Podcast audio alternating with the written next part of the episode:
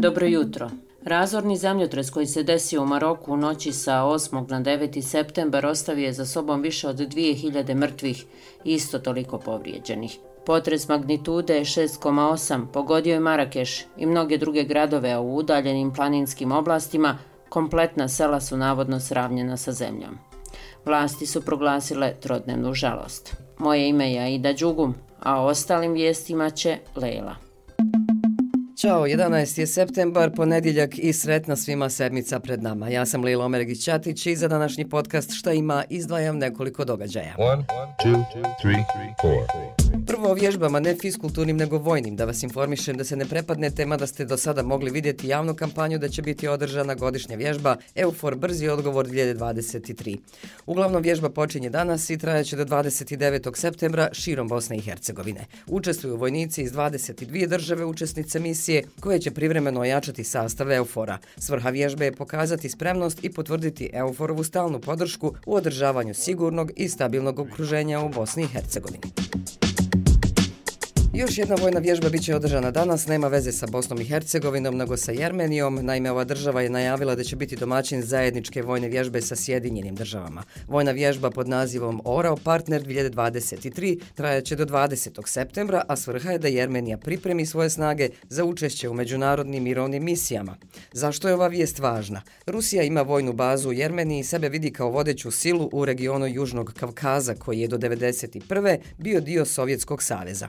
Ona održava mirovne snage u regionu kako bi podržala sporazum kojim je okončan rat između Jermenije i Azerbejdžana zbog regije na Gorno Karabah 2020. godine. Jermenski premijer Nikol Pašinjan izjavio je nedavno da Rusija nije uspjela da zaštiti njegovu zemlju od, kako kaže, kontinuirane agresije iz Azerbejdžana. Jermenija je bila nezadovoljna izostankom pomoći Moskve, iako je članica Vojnog saveza ODKB predvođenog Rusijom.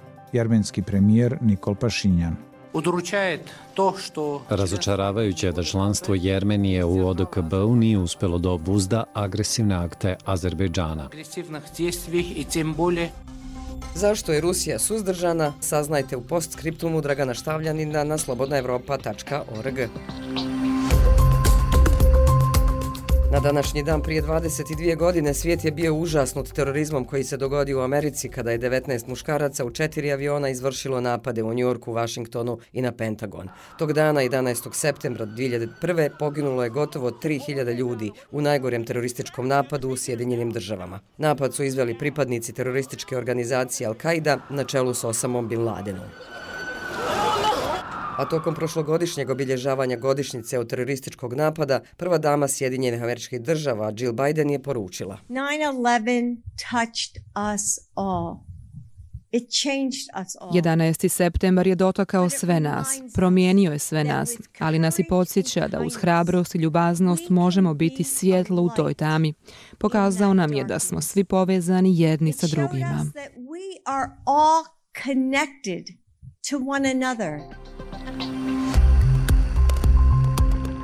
Iako na ovu informaciju malo kojeg ljubitelja futbala treba podsjećati, ipak ću, da ne bude poslije jedno nije rekla. Dakle, futbalska reprezentacija Bosne i Hercegovine u Reykjaviku igra kvalifikacijnu utakmicu za Evropsko prvenstvo 2024. Utakmica protiv Islanda počinje u 18.45. BiH se u kvalifikacijama, osim sa Islandom, u grupi nalazi sa Portugalom, Slovačkom, Luksemburgom i Lichtensteinom. Inače, Evropsko prvenstvo počinje 14. juna sljedeće godine u Njemačkoj.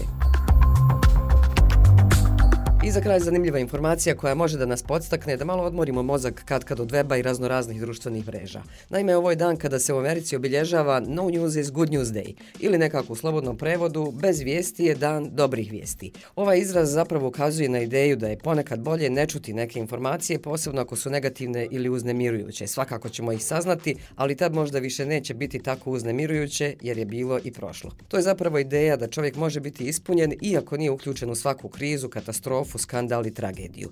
Ova fraza ima i svoju istoriju o čemu ćemo drugi put, ali moderna verzija nastala je kako bi ljudima ponudila priliku da se oslobode negativnih uticaja svakodnevnog života i jednostavno uživaju u sadašnjem trenutku. A ekipa podcasta šta ima, Una, Ida i ja, radimo na tome da pronalazimo i zanimljive i dobre vijesti, iako je zapravo do njih najteže doći. Eto, čekamo vas sutra opet na istom mjestu, nadam se s dobrim vijestima. Ćao!